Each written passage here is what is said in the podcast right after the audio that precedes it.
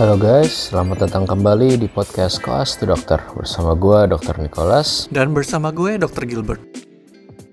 Nick, podcast kali ini cuma kita berdua lagi nih, Nick. Ya, gue gue tahu kita lagi rada susah ngumpulin bintang tamu Gil. Nggak apa-apa, nggak apa-apa.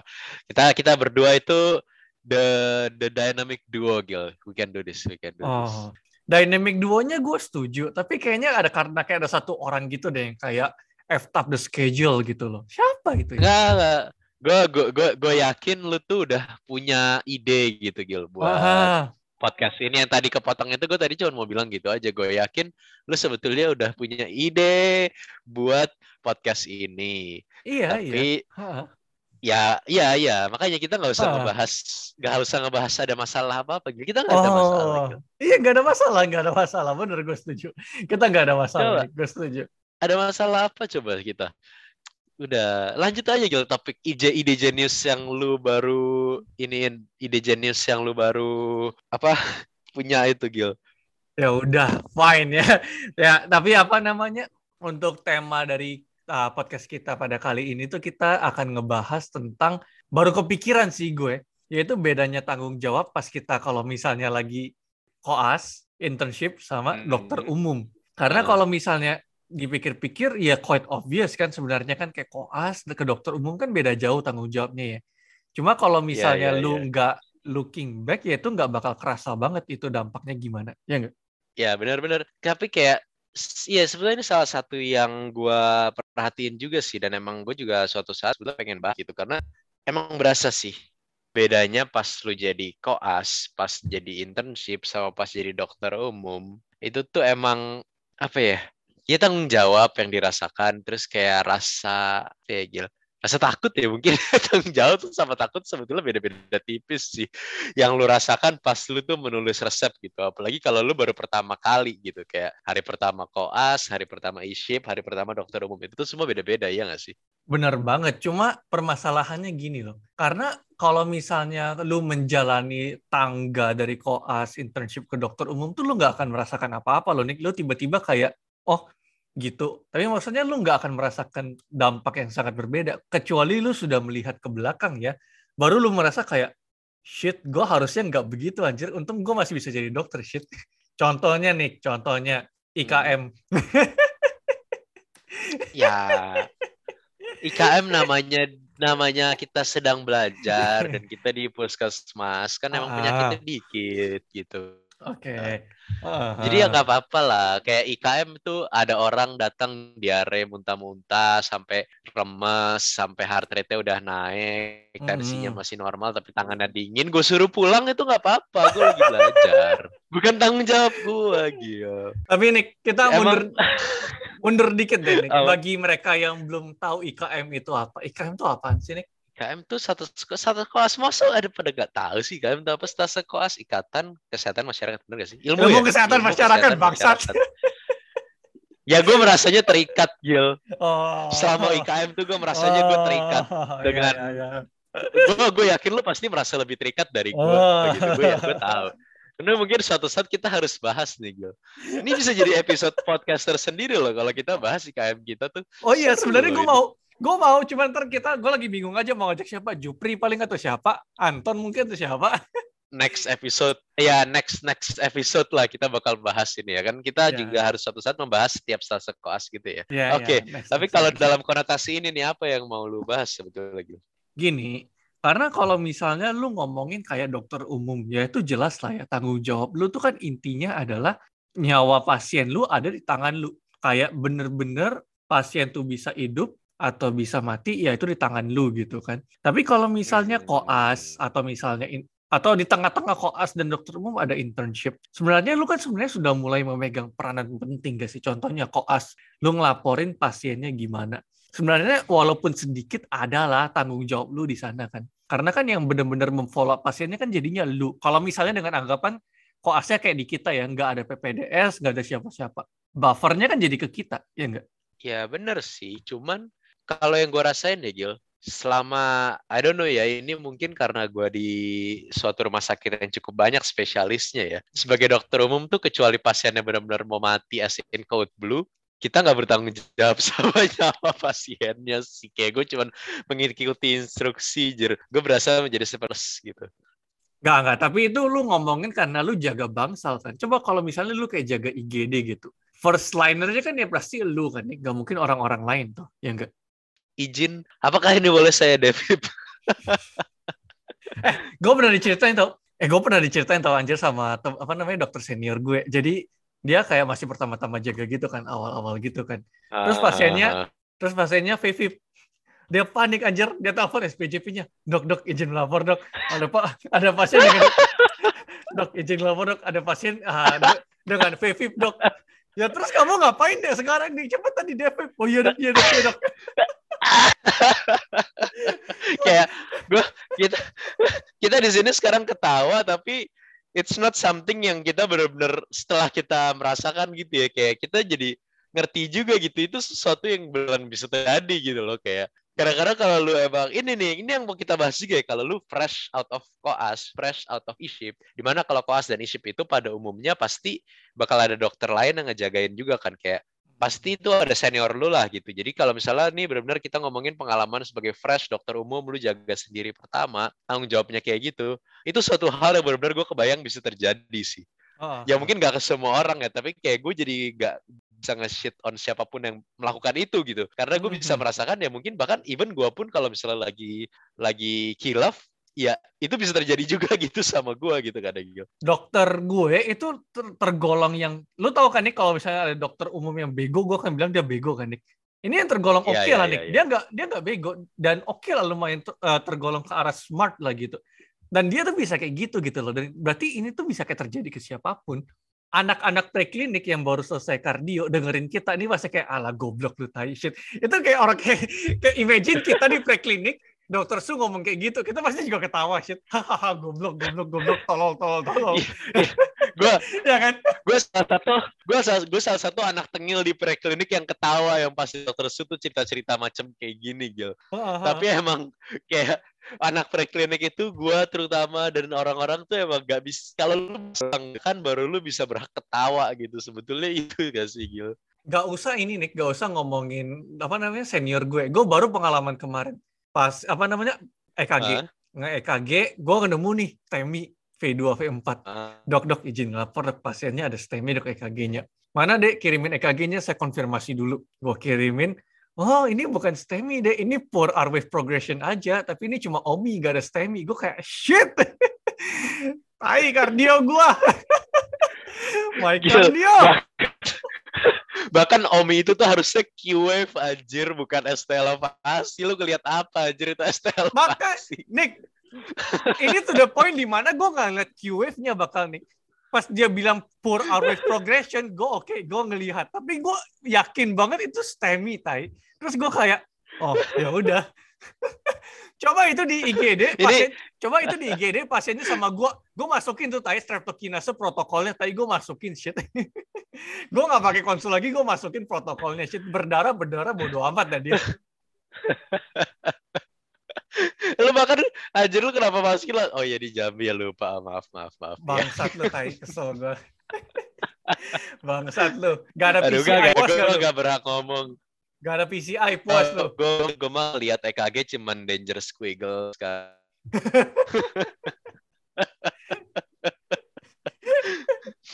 Aduh. Tapi ya ini ya jadi kita tuh harus mulai lebih runut Sagil sebetulnya Gil.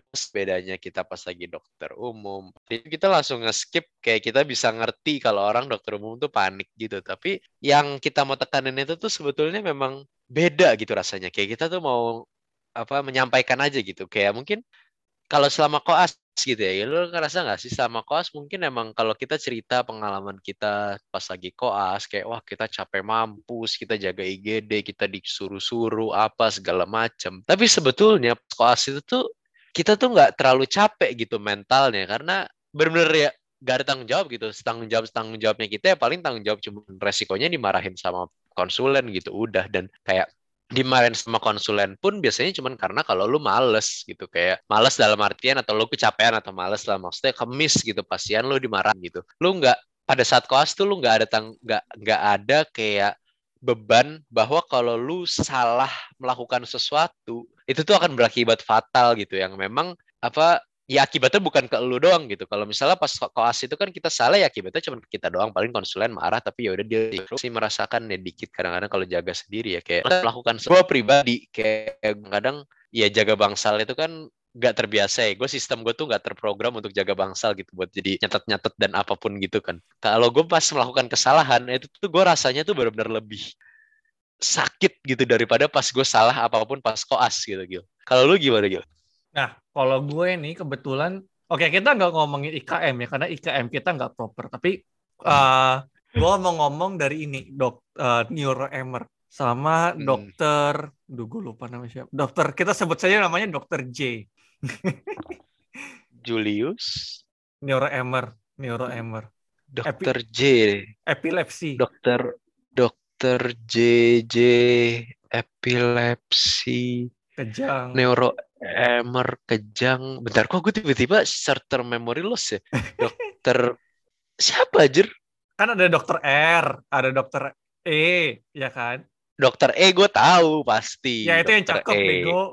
Iya, pasti inget gue. Ya itu gak mungkin lupa. Dokter E. Dokter Y juga gue gak mungkin lupa. Si Babe. Ya. Ya, R gue juga gak mungkin lupa. Takut gue soalnya. Nah, ada dong satu lagi J, dokter J. J J ah. eh anjir. Ada. Kok gue bener-bener lupa ya anjir? Ada. Karena gue perseptornya sama dia, long kiss gue sama dia, makanya gue inget banget itu. Bentar-bentar, ini yang tentara, bukan tentara apa yang SMA-nya tuh di kayak militer gitu bukan? What the fuck, gue mana tahu nih. Gue gak, gue gak kenal sampai sebegitunya banget. Aduh gue lupa. Sumpah gue namanya tuh kayak ngeblank gitu loh tiba-tiba. Tapi gue harusnya pasti tahu lah anjir. Ya itulah pokoknya. Gak usah dibuka gitu ya. Ya lu, lu gak usah pura-pura gak usah dibuka kalau lu lupa namanya shit. ya kecuali lu mau kasih tahu gue gitu. gue jujur juga sebenarnya juga lupa sih. Gue lagi buka. Gue cuma inget depannya J gitu. Dokter Jai. Dokter no Jai, shit. Dokter Jai. Oh, dokter. Itu nama panggilan anjir, dokter Jai. Emang kita nama... gak ada yang berani kita gak ada yang berani manggil dia dokter Jai di depan lu dia anjir. Lu panggilnya apa tanya emang kalau gitu? Nah, itu gue lupa. Gue malah gue malah inget nama belakangnya sekarang anjir. Apa apa apa apa Ketaren, Ketaren kan? Iya, dokter Retno. Retno, bener itu kan? Iya bener, iya bener sih. iya, Jai Retno toh, bener toh. Iya, oh iya, iya, iya, iya, iya, benar, benar, benar. Terus dia denger gitu, kayak episode ini mati kita anjing. Gak lah, gak bakal, gak bakal. Gak sumpah, gue tuh respect, tapi gue lupa, bener-bener kayak lagi ngeblank. Gue lu tau gak sih, kayak pas tuh saat momen lu ngeblank gitu, gue bahkan tak apa tahu nama belakangnya, gil. Ayo. Ya, ya, fine, fine, fair kayak point. lagi lagi ngemis aja gitu. Gue makan lupa, gue makan gue makan lupa nama belakangnya. Anyway, nah karena dia perseptor gue pas longkis gitu-gitu, jadi dia kayak tahu gue kan, dia ah. Kan. Nah, uh-huh. ini IGD hari terakhir gue sama Angga. Gue inget banget tuh. Pokoknya uh-huh. pasien terakhir sebelum pulang. Pasien dengan TTH, uh-huh. kayak klasik lah TTH gitu kan. Gue udah nyingkirin semua secondary, apa namanya, yang alarm causes untuk red flag headache gitu-gitu kan. Yang bahaya-bahaya nggak ada uh-huh. TTH. Terus ini tuh dalam kondisi pas itu IGD lagi rame banget. Gue lupa kenapa. IGD RSU itu ada di shift ke lantai dua juga. Jadi lu tahu kan yang lantai dua bangsal yang paling sebelah kiri uh -huh. itu kan kosong tuh kan nggak dipakai kan. Nah itu jadi IGD sementara pas itu. Anjir. Ya udah ya udah fine. Nah tapi intinya gini kan kalau dokter visit kan pasti di lantai satu kan ya kan? Uh -huh. ini pasiennya di lantai dua. Nah dokter Jai males visit ke lantai dua. Bukan males lah kayak ya udah kayak kayak apa namanya capek gitu kan bolak balik gitu kan. Dia nanya gue sama Angga hmm. ini diagnosisnya apa? TTH dia nggak ngeliat pasiennya Nick dia cuma kayak TTH dia resepin obat Bener ya TTH ya, kalau pasiennya meninggal itu salah kalian. Gua gua saking paniknya nih, gua cek lagi itu sebuah PF dari A sampai Z semuanya neuro gue ulang tiga kali ke pasiennya nih. Saking gua takutnya nih. Tapi itu nih pertama kalinya gue sebagai koas gue punya tanggung jawab sama nyawa pasien gue. Itu saking paniknya kayak dok ini serius dok lu nggak mau cek pasiennya gue kira dia bercanda dong kayak dia cuma nulis nulis dia bakal ke atas gitu kan gak shit dia tulis resep dia keluar gue kayak Gak, lu yakin kan itu TTH kan? Yakin, Gil. Yakin, dah tenang aja. Gak, gak, gak, gak, gak, gak. Sumpah. Jadi kayak, apa namanya, memang beda banget pas, pas apa namanya, pas dokter Jay gituin gue, gue baru kerasa kayak, oh iya kalau lu punya tanggung jawab, lu semuanya beda banget. Simple diagnosis kayak TTH, lu akan mikir tiga kali sih.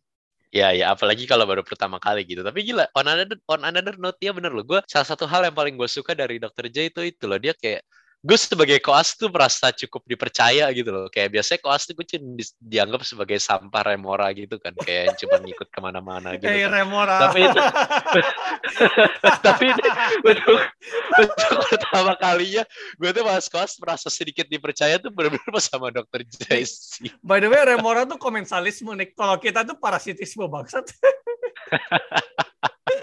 Enggak lah, kita nggak menyerap darah lah at least gitu. Gue anggap kita masih komensalisme lah. Remora cuma nemplek gitu di belakangnya ngikut ke mana-mana gitu. Tapi itu maksudnya ya maksudnya uh, your point juga apa namanya? Dokter J itu god balls sih menurut gua kayak kapan lagi seorang perseptor bisa mempercayai koasnya, koas loh, koasnya. Seorang koas. Koas yang tiba-tiba out of nowhere, ya dok ini TTH. Yakin ya TTH ya dek ya? Pokoknya kalau kalian nggak belajar tanggung jawab, kan pasti akan periksa sembarangan. Ya bener sih, nggak salah sih. Nggak salah sih, dia bener banget sih pas itu. Tai, dia kayak me gitu kan. She got boss. Tapi memang kayak, apa namanya, thanks to her, gue jadi, jadi sadar gitu. Oh ya mulai dari saat itu, ya apa namanya, hidup matinya pasien dari tangan kita. Nah itu, dari koas gue udah mulai belajar gitu. At least sedikit lah dari dia gitu. Setelah itu sih bodo amat, lepas lagi, koas lagi. Kabur lagi. Kasih KM gitu ya gila. Walaupun tadi gue ngejokes ya itu tadi true story by the way ya yang gue bilang gue mulangin pasien yang kayaknya shock derajat satu itu. Tapi kayak gue gue bener-bener kayak pas gue sampai kamar kosan gue tiba-tiba keinget lagi tuh gue bener-bener hampir keringet dingin loh kayak wah anjir tadi gue mulangin pasien shock derajat satu. Gue sampai berapa minggu setelahnya tuh gue legit masih kepikiran loh Gil itu. Gil gue kayak masih benar-benar kepikiran kayak gimana kalau tuh orang mati gitu. Tapi kayaknya sih dia gak kenapa-napa soalnya dari berapa lama setelahnya tuh udah gak ada lagi yang datang karena dia datang lagi gitu. Mungkin dia bener ngikutin selebih ya kalau dia nggak datang lagi ada dua kemungkinan dia sembuh atau dia berpulang. Nih mau pilih yang mana aja. Biasa biasanya kalau di situ kalau berpulang datang juga kan minta suratnya Gil jadi Oh. harusnya harusnya harusnya I'm safe harusnya I'm Ah, safe iya, iya. tapi ya itu kayak maksudnya kita mau bahas ya itu kita ngomongin tanggung jawab gitu ya kayak emang beda kalau di kos most of the time kita nggak bakal merasakan tanggung jawab seperti itu sementara Hmm. kalau dokter umum lu melakukan dia gue kayak eh, gue lagi ini, ini kayak bener-bener yang pertama kalinya di Siloam ini gue kerja terus kayak gue bener-bener kayak merasa salah gitu tuh ini kayak gue lagi gue gue udah dapet instruksi dari telepon gitu. Kayak gue tuh disuruh ganti antibiotiknya jadi meropenem sama cek cek lab banyak banget sama konsul banyak banget gitu lah ya. Jadi kayak itu some point pokoknya yang ditekanin banget kan harus konsulnya kan. Oke gue udah konsul bedah segala macam gitu. Terus kayak pas besoknya tahu-tahu gue dikasih tahu pas dokternya visit dia ngomel-ngomel kok meropenem. Soalnya itu dia ada tiga pasien tiga-tiganya tuh ganti meropenem tiga-tiganya tuh mirip dan kayak pas di telepon tuh instruksinya tuh semi ketiga-tiganya gitu loh Gil. jadi ada satu yang gue kemis meropenemnya tuh gak gue ganti. Jadi kayak itu kesalahan kayak gitu tuh gue bener-bener kayak wah gue merasa bersalah banget sih. Itu kan gue juga kayak harusnya besoknya kan gue tidur nyenyak istirahat gitu kan. Gue bener-bener gak bisa istirahat sih. Gue kayak banget gue seharian anjir mood gue gak enak banget gara-gara itu. Sama sih ini kayak apa namanya mungkin salah satu yang memotivasi untuk gua bikin podcast ini yang tadi yang pasien yang STEMI ternyata OMI itu. Jadi itu pasien apa namanya pas lagi morning report dikasih tahu nih sama senior gue. Eh Gil gue belum cek pasien ini nih Ah. per- pertukaran jaga kan dari malam ke pagi kan eh Ah. Gil gue belum cek pasien ini nih Ah. tolong dicekin dong. Terus perawatnya bilang iya nih dok. Dia tiba-tiba kelemahan sebelah kanan. Oh stroke ya udah gue cek datang ke sana. Eh bukan stroke bangsa tensinya 72 per 48 itu bukan stroke lagi shit. Beda shit lain cerita. Terus GCS 8 terus GCS 8 dibilang tadi iya dok jam 7 tadi masih ngomong kok sama saya nggak apa-apa kok. GCS 8 bangsat ngomong apaan dia ya udah. Terus terus terus. Ya udah ujung-ujungnya ternyata dia shock sepsis ada omi stroke juga segala macam gitu-gitu. Padahal dia nih kayak datangnya literally datangnya tuh kemarinnya literally kemarin sore diagnosisnya cuma DM dengan gastropati DM nih nggak nyampe 24 jam tiba-tiba ada omi ada shock sepsis ada itu segala macam. Jadi kayak apa namanya kalau itu koas ya gua bayangin oh ya pasiennya perburukan nih oh ya ini tata laksananya agak ribet nih oh ya ini pasti IPD kok ini kok ini nih terapinya bakal susah gitu kan. Lu kalau lu koas kan mindset lu gitu kan lu belajar gitu kan kenapa Iya, iya, dokternya iya, kasih iya. ini ini gitu kan. Iya iya gue bener-bener Iya, legit iya, itu iya. pertama kalinya jadi dokter umum gue kayak fuck gue gue nggak tenang nih. Gue sumpah gue disuruh duduk sama perawatnya kan dok duduk aja lah dok tunggu aja mau dipindahin ke ICU sumpah gue nggak tenang sih gue bolak balik bolak balik ngecek tensinya gue ngecek lagi tuh shit ini kenapa kenapa RR-nya 50 tadi cuma 40 sumpah. Itu kayak lu nggak tidak tidur tenang sumpah nih dan lu tau kan kadang monitor EKG itu kan kadang-kadang kan suka apa namanya kalau lu gerak dikit kan dia tiba-tiba jadi fibrilasi gitu kan. Padahal itu kan cuma kayak Iya, artefak iya, gitu iya, kan. iya. Gue kayak shit shit, shit Iya, jangan sampai iya, fibrilasi iya. jangan fibrilasi. Lu jangan fibrilasi sekarang. Gila eh, sumpah. Gue tapi itu maksud gue maksudnya kayak kalau lu udah jadi dokter umum itu karena nyawa pasien di tangan lu gila lu nggak tenang banget sih. Kalau lu cuma internship atau dokter umum oh ya bukan tanggung jawab gue lah ya fuck you gitu kan.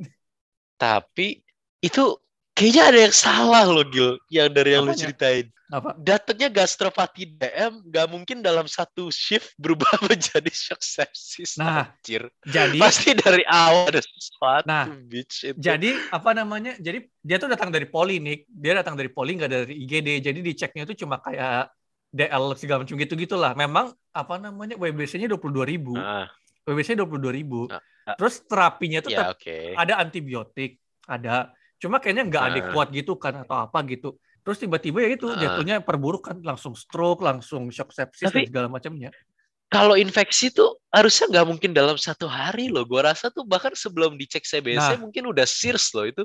nah ternyata iya jadi pas dia tapi pas dia datang poli masih CM tapi memang udah kayak mual muntah udah kayak yang apa namanya gastropati DM-nya kayaknya lebih ke arah apa sepsisnya itu lah kalau menurut gua sih Ter- terus memang ada source of infectionnya di gluteal kanannya itu memang ada abses ada absesnya gitu. Pasti itu kan pushnya banyak. Jadi gua rasa sih memang infectionnya Aduh, dari sana lah. udah lama.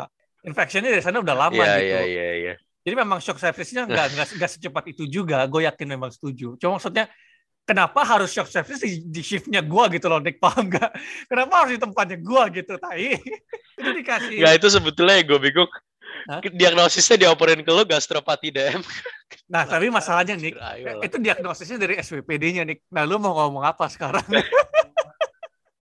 ya gue gak bisa sih kalau itu. ya kan lu nggak bisa ngomong apa-apa kan kayak ya udah gitu kan ya gue telepon gue telepon konsul SPPD-nya balik gue telepon SPJP-nya SPS-nya semuanya suruh ICU ya udah shock sepsis kan terus dia datang kayak Hmm. pasiennya jelek ya deh iya dok iya dok. Iya nih dia tiba-tiba shock sepsis oh iya dok.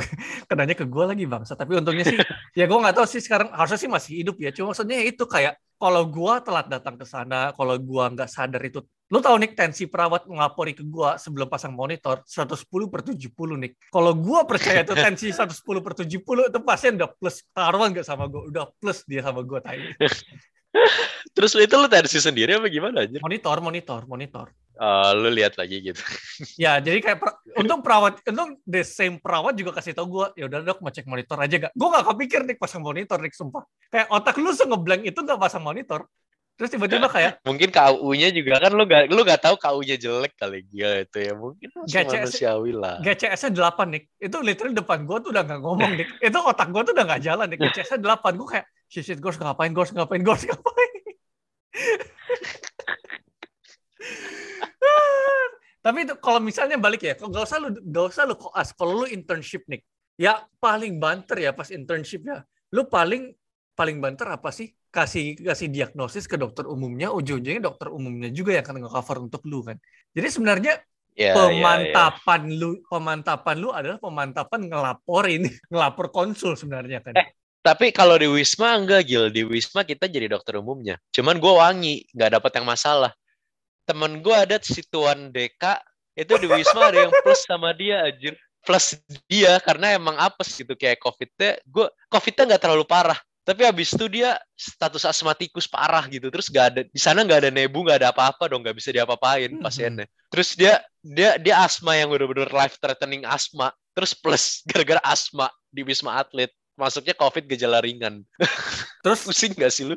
terus gimana itu akhirnya? Ya udah, tapi ya nggak bisa diapa-apain, nggak dia juga nggak salah karena nggak ada apa-apa, Gil. Di sana kita nggak untuk pasien asma. Kayak gue, gue kan di Wisma duluan dari dia kan, jadi kayak pas Ah. gue Wisma nggak ada masalah apa-apa gitu. Tapi kayak pas dia cerita itu ke gue dan pas dia bilang plus, ya gue cuma bisa bilang ya, ya emang di sana nggak ada apa-apa, cuy lu nggak bisa ngapa-ngapain sih.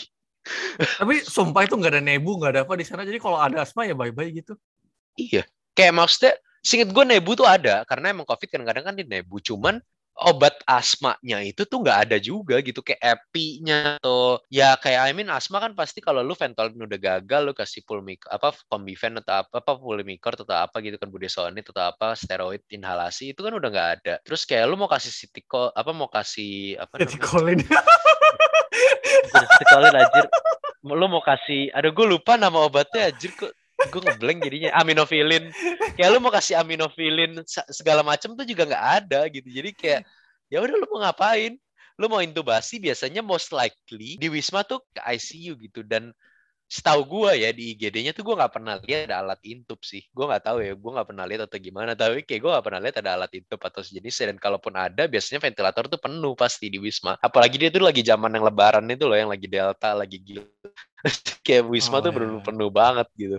Itu itu satu itu maksudnya itu satu pengecualian e-ship yang jadi kayak tanggung jawab full sih itu sih. Oh iya. iya. Tapi ya, ya gue lupa selain mak- maksudnya tapi selain ya tetap dari ini ya, beda gitu selain e-ship tuh maksudnya selain di rumah sakit ada di puskesmas. Nah mungkin itu kali ya Nick ya. Internship di puskesmas kali ya yang kayak lu bener-bener megang pasiennya full gitu ya kali.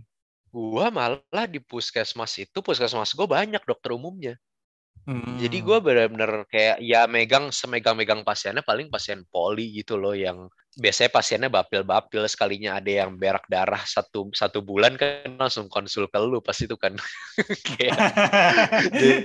Konsul Ya, lu gue ya, masih ya, bisa ya. konsul Google gue masih ada yang darurat darurat amat. Dan kayak sekalinya yang rada darurat gue itu di puskes gue pas itu jir ada anak jatuh dari pohon palanya sobek gitu kan. Tapi bukan gue yang nangkep yang nangkep tuh dokter seniornya. Terus kayak dia dia bilang udahlah langsung jahit aja gitu. Gue sebetulnya ragu nih antara jahit rujuk cedera di kepala kan biar gimana kan baiknya rujuk ya. Terus kayak ya udahlah gue ikutin aja ya udah bersihin jahit. Terus pas gue jahit tengkoraknya keraba Gil. Ternyata dalam juga ya itu ininya. Apa sobeknya dalam juga anjir. Multiculus sampai skull anjir.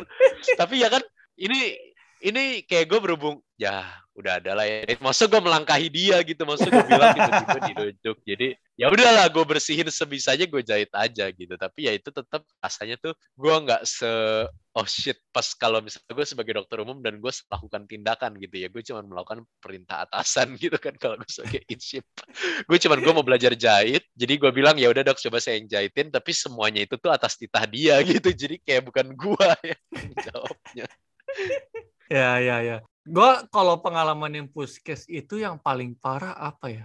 Apa ya pas itu ya? Oh, gue nggak ada yang separah lu, tapi parahnya gue tuh lebih karena tololnya gue. Gue kebalik antara kontrol sama relievernya pasien asma. oke terus Jadi relievernya yang gue tur yang gue suruh pakai tiap hari, kontrolernya kalau misalnya lagi sesak goblok gak tahu. terus terus terus Terus, itu itu kalau itu kejadian apa terus apa apa apa selamatkan lu Nah, terus gue kayak ah shit shit shit shit. Ini goblok tadi ini kalau asma jadi makin parah gimana? Gitu kan. Lu tahu nih gue sambil ngapain? Ini ini, ini sebenarnya pelanggaran sih ini pelanggaran sih pelanggaran etika sebenarnya. Gue cari nama Facebooknya dia gue chat dia nih. Wah gila, tapi lu benar-benar dedikasi fuck sih itu sih. Tapi itu nggak boleh. Apa sebenarnya nggak boleh itu sebenarnya nggak boleh. Itu pelanggaran pelanggaran apa? Lah gue yakin itu pelanggaran gitu. Cuma kayak fuck itu gue goblok banget sih. Itu gue gak kepikir sampai tidur. Shit shit, shit gue goblok. Lu tau kan nih apa meme yang ini meme yang kayak lu tidur kayak kok bisa ya gue gitu. Ya apa namanya same same mindset lah gitu. Intinya kenapa gue kayak goblok banget orang orang asma gue kasih reliever untuk tiap hari gitu. Goblok anjing.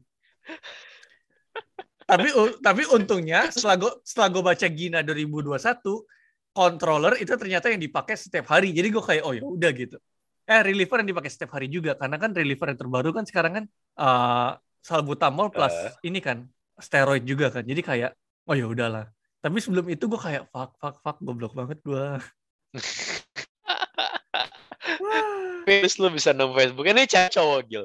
cewek cewek tapi ini juga bukan cewek yang muda kayak ibu-ibu udah kayak ibu-ibu udah kayak guru gitulah Oh. usia 40 50-an lah Nick.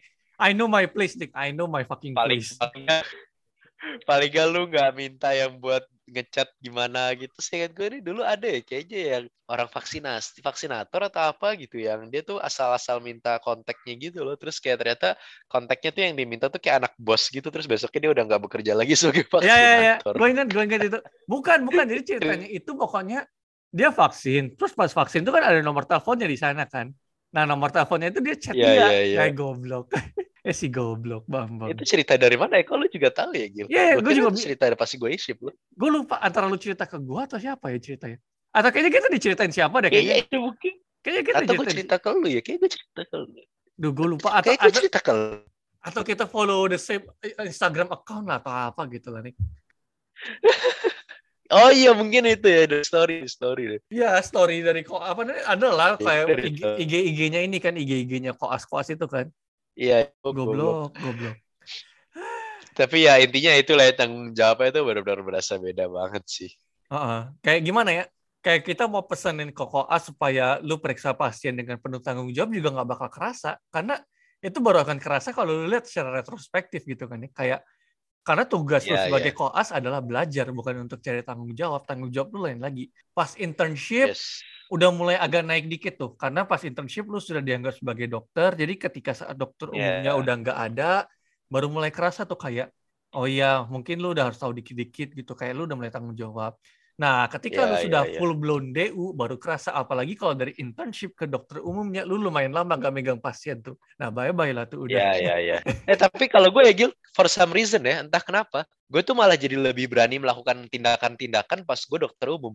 Pas maksudnya gimana koas gue merasa kayak misalnya nih ya, pas koas tuh kalau gue nggak dapet izin dari perseptor gue, gue nggak berani tuh kayak misalnya gue eh, tiba-tiba eh, menawarkan diri atau apa buat mau ngambil AGD lah atau buat IV line atau apa gitu-gitu kayak rasanya masih sungkan gitu gue entah kenapa gue masih sungkan tapi pas kemarin gue di isip sih isip gue di wisma apalagi kalau gue tahu perawatnya tuh emang juga udah menyerah gitu gue malah jadi merasa lebih kayak ya udah gue coba aja gitu. Kayak pas itu gue pertama kali ngambil AGD itu pas isip Gil dan itu karena perawatnya kan pas di Wisma tuh dulu benar-benar mereka ngambil masih orang-orang preklinik kan. Kayak perawatnya tuh masih usia masih 18 tahun 19 tahun anjir muda-muda banget. Terus kayak mereka kan gak berani ngambil AGD gitu kan. Terus kayak gue biasanya kan kalau orang yang bertanggung jawab kayak anjir aduh gue gue merasa nggak jago nih mosok ini tanggung jawab gue gue malah pakai buat latihan. Sementara kalau gue malah oh ya udah hajar gitu. Gak aneh. Sama gue dapet sama ada superiority complex lu merasa kayak oh gue udah lebih gue tuh lebih hebat dari lu lu apa kalau itu perawat senior yang gak dapat taruhan sama gue lu pasti gak akan berani taruhan gue sama gue ya Eh, kan enggak, enggak. Enggak, untungnya, enggak, gue pas itu berani. Gue tuh biasanya tuh yang menghold gue buat nyoba, enggak nyoba-nyoba gitu tuh gue kesian pasiennya tuh sakit. Pas itu tuh keadaannya, pasiennya belum ditusuk. Perawatnya nggak udah nggak berani. Makanya berhubung dia Hmm. nggak berani, ya udah gue aja gitu yang nyoba. Hmm. Gitu. Dan untung dapet. Walaupun gue rasa pas pertama kali gue nusuk tendonnya dia tuh berasa. Tapi nggak apa-apa, nggak ada yang putus kok. goblok lah ya tapi tapi kalau apa namanya entah mengapa gue lebih lebih banyak tindakan pada saat koas sebenarnya karena pas koas at least lu dipantau kan cara kerjanya gimana eh, apa namanya dibimbing segala macem gue LP gue masukin obat-obatan intratekal sama dokter Dina gue bahkan bone marrow biopsi itu sama dokter Dina nih pasien anak nih lu bayangin nih pasien Anjay. anak gue bone marrow nih cuma sama dia Anjay. doang cuma sama dia yang baik banget ngasih gitu kayak pasien LV bahkan nih taruh gue gue underline pasien LV nih Dia udah sangat percaya anjir gila itu sama lu. Gue bukan- gue menurut. Dina nggak Buk- terlalu bukan sama percaya dia emang sebaik itu nih jadi kayak kalau lu introduce diri lu terus lu lu kayak minta izin sama dia "Eh, dok saya mau izin observasi dulu boleh nggak nanti yang berikutnya saya boleh nggak dikasih nih sumpah gue nggak bohong dikasih karena pas itu Ya gue dokter Dina lupa sih. Hah? karena pas itu gue apa namanya datang sama anak preklinik bukan karena pas itu gue koas karena ada anak preklinik tuh jadi anak preklinik tuh kayak deket banget sama dokter Dina dia tuh udah 20 kali Siapa? Iya, maksudnya di pas gue juga ada. Anjir. dia udah 20 kali LP lebih banyak pas gue yang koas pas itu nih jadi kayak dia lebih jago masukin obat intratekal daripada gue nih lu bayangin nih jadi maksud gue tuh ya balik lagi intinya tuh bukan bukan seberapa lamanya lu seberapa seniornya lu seberapa seringnya lu coba aja gitu loh.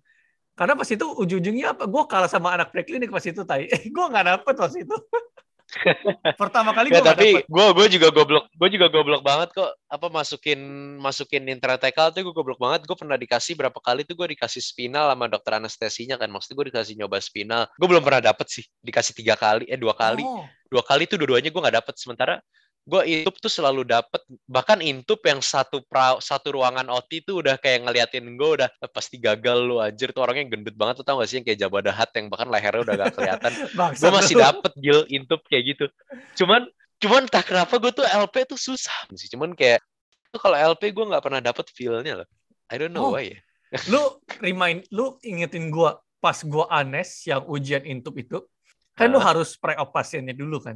Ya udah gue ngomong-ngomong, gue inget Ah. banget. Ini ibu-ibu usianya 30-an tahun gitu. Gue inget banget itu 30-an tahun. Aha. Baik banget kayak ya pasien RSU rata-rata baik kan kayak friendly gitu kayak ya bu gini-gini Iya segala iya iya macam. Aha, aha. Terus lu kayak ada connection gitu kan. Lu kayak Ah. intub dia kayak ada connection gitu kan. Aha. Ya, Ah. sumpah, gue nggak bohong, gue nggak pernah nih intub gagal. Cuma sama dia doang gue gagal. Pertama masuk ke esofagus. Pertama masuk ke esofagus. Dia desat nih, dia desat. Turun kan. Pertama kalinya gue ngeliat orang sianosis depan gue. Terus ya udah, lu balik ke apa? Oksigenasi lagi dong, ya kan? Ya kan, oksigenasi lagi kan? Iya iya iya. Iya iya iya. Itu oksigenasinya to the point di mana si si- apa gue megang C-nya itu saking bergetarnya nih gak masuk sumpah. Jadi gue masih pre-oksigenasi, dia masih biru sampai dokter Monik udah sampai kayak udah tenang tenang tenang tenang jangan panik jangan panik sampai dia pegangin nih C-nya nih gue saking paniknya nih sumpah itu biru nih biru depan gue dia biru depan gue gue kayak sampai siapa ya ada perawatnya siapa Mas Bang Dodi Dedi Doni. siapa gitu Doni, Doni, Bang Doni, Doni, Doni, Doni, Bang Doni, Doni. Doni. Perawatanes Bang Doni. kan dia baik Iya, kan iya. sebenarnya kan terus saya Iya, kayak iya, dia baik banget. Ah. Ah, dia dia baik banget masih kayak ngasih gue alat segala macam. Tapi ada satu lagi gue lupa siapa. Dia bilang kayak ya ya udah deh pasien baru lagi deh. Sumpah gue kayak fuck fuck jangan dong jangan jangan. Gue coba sekali lagi. Itu biasanya yang ngomong yang ngomong gitu tri itu anjir tuh. Gua lupa, kayaknya dia deh. dari Kayaknya dia. Terus US anjir. sekali yang lagi kerjanya megangin cewek mulu. sekali lagi untung yang terakhir masuk. Untung yang kedua kalinya masuk nih sumpah itu gue dalam hati fuck Govela ini nih fuck Govela gue udah apa namanya intubasi salah masuk oksigenasi aja yang kedua kalinya sampai dia sianosis anjing sumpah gue panik banget pas itu tapi itu sumpah itu kayak Anes tuh bener-bener life or death anjing tahi gue gue kayaknya memang gue kayaknya nggak mau Anes tahi gue parah tahi itu di sana eh, intubasi nggak masuk masuk Sumpah. Itu Gue anjir cacat banget bisa sampai segitunya anjir. gue nggak ngerti lu pada kenapa suka Anes tai. Itu literally orang bisa mati di tangan gue shit gue males banget Ya, ya lu lu semua spesial. Lu anak juga literally bisa mati anjir gil di tangan lu gil. Gak nih orang eh, anak itu mati kalau gue tidak melakukan terapi. Ini literally di tangan gue nih literally kalau gue intubnya salah gue megang oksigenasi ini literally literally nih tangan gue nih beda nih kalau anak itu nggak literally tangan gue itu second hand lah. Itu paling gue masih bisa kayak ya ini mah perawatnya tensinya salah. Mana ada tensi anak 100 per 80 gitu kan. Itu masih bisa nih mana bisa anestesi? Aduh ya ini intubasi jadi ini nggak enak. Ini ini mesin lama ini. Ya mana bisa shit Gak, gak gil kalau lu udah cukup desperate lu bakalain masnya gil bocor. atau lu salahin obatnya ya oh ini bukan diazepam ini ini fentanyl ini Anjir itu jadi kayak yang dulu, zaman dulu gak sih yang skandal siloam itu anjir. ya bukan skandal siloam lah skandal obat-obatan yang kebetulan dipakai ke siloam gitu Tapi itu obat yang salah obatnya sih. Itu gak salah dokter, gak Iya. salah rumah sakit, salah obat. justru Aduh. justru dokter iya, dok- iya itu sih. justru dokternya hebat sih gimana gue sekarang kepikir loh gue sekarang lagi mikir loh gimana caranya kalau lu udah kayak full time clinician bisa mikir gitu obatnya yang salah bukan lu yang salah gitu itu lo harus punya balls yang gede banget Oh. untuk untuk bilang Iya, iya, iya. iya, obatnya iya. yang salah sih itu lo harus punya balls yang gede banget sih nih ya kan Untung bener anjir gila. untung bener tay Ya, ya, ya. ya. Tapi itu Benar, benar, benar, benar sih. Itu benar sih. Bukan lu yang salah. ya kan kayak gimana lu bisa kepikiran Ya, ya, gitu ya. tapi ya begitulah emang koas internship dokter umum lu punya varying degrees of apa namanya tanggung jawab gitu Tapi setelah gue Yes, yes. pikir-pikir Mungkin nanti pas kita spesialis kita ada degree lah, ada ada itu lain lagi Gil. Mungkin amin amin gitu nanti kita spesialis kan. Mungkin kita harus bikin lagi nanti edisi kalau kita udah spesialis Gil. Ini jalan terus kan Gil. Nanti mungkin pas Jalan. PPDS berhenti sebentar tapi kita bakal jalan terus kan Gil ini sampai Loh. nanti. kayaknya nggak perlu nunggu spesialis, Tai. Kita nunggu jadi chief resident kayak, hmm, PPDS tanggung jawabnya. Amin jadi chief president Gil kayak kita sekarang mah cuman bisa amin aja. Kita Anjir, dulu aja. jadi jadi buat jadi belum ngerasain udah ngomong-ngomong jadi PPDS eh udah ngomong-ngomong jadi chief anjir. Ntar ada saatnya, belum nggak tidur tujuh hari juga. Ntar ada saatnya di mana kita udah benar jadi chief resident, kita dengerin episode ini, woi anjing bego lu lu ngapain mau jadi chief resident? Goblok lu tai. Lu tau nggak punya kan keluarga? kita kita kita sekarang lagi bermimpi Gil. Kita sekarang lagi bermimpi. Aduh gila Masalahnya, mimpi. Kenapa kita mau mimpi kayak gitu kalau ada teman kita yang sekarang bahkan aja dia nggak tidur tidur dia bahkan nge-gym aja nggak bisa gitu. Ngapain kita mimpi kayak gitu gitu? Udah jangan disebut Gil. Oh, jangan ya, jangan ya. kasihan nanti kalau kalau tiba-tiba nanti dia jadi makin menderita gara-gara gua. I can take that Anjir. ya tapi sumpah loh kalau dia bisa kalau kalau kita punya alat untuk kayak samarin suara yang kayak yang tiba-tiba jadi ngebas banget tuh tahu kan kayak ya jadi semua Oh, itu iya, iya. dimulai gue pengen sih bisa undang dia sih aduh dia bakal udah gak ada energi buat podcast Gil pasti aduh Iya iya sih. Dia untuk nge-gym aja nggak bisa, untuk dirinya aja nggak bisa, untuk tunangannya aja pasti juga nggak ada, apalagi untuk podcast saya. Iya, mungkin amin-amin kita bakal merasakan itu beberapa tahun ke depan, Gil. Satu atau dua tahun ke depan. Part of me gue pengen, Amin-amin. part of me pengen diaminin, part of me juga kayak gue belum siap. Belum siap untuk me- menghadapi itu semua sih, bener sih. Gue juga kayak di satu sisi tuh gue pengen banget, di sisi lain gue takut gitu.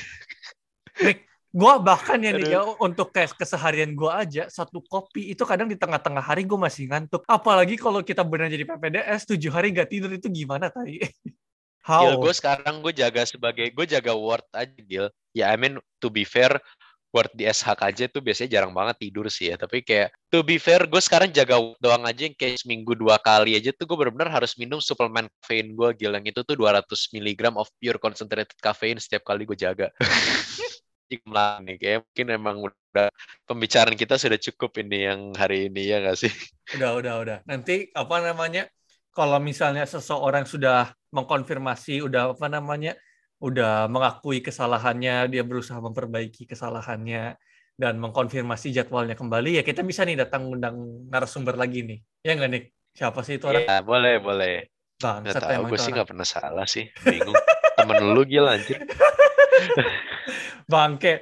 Oke lah, but otherwise you'll see you guys soon. Bye. Oke, bye-bye. Dan jangan lupa juga untuk mengunjungi website kami di koas2doctor.com K-O-A-S angka 2 D-O-C-T-O-R.com Instagram kami di @koas2doctor dengan spelling yang sama atau kalian juga dapat berkomunikasi dengan kami via email di koasdoct@gmail.com. Saya ulangi koasdoct@gmail.com. Bakalan sangat membantu juga kalau kalian men-share podcast kami atau memberikan review di platform mana pun saat kalian mendengarkan podcast ini. Dan juga kalau mau bisa di follow account Instagram kami semua. Seperti kalau Gilbert ada di @gilbertsterling, @nicholasgabriel dan juga akun kedua saya terutama yang membahas mengenai kesehatan dan fitness di @sehatisasi. But otherwise, we'll see you guys soon. Bye.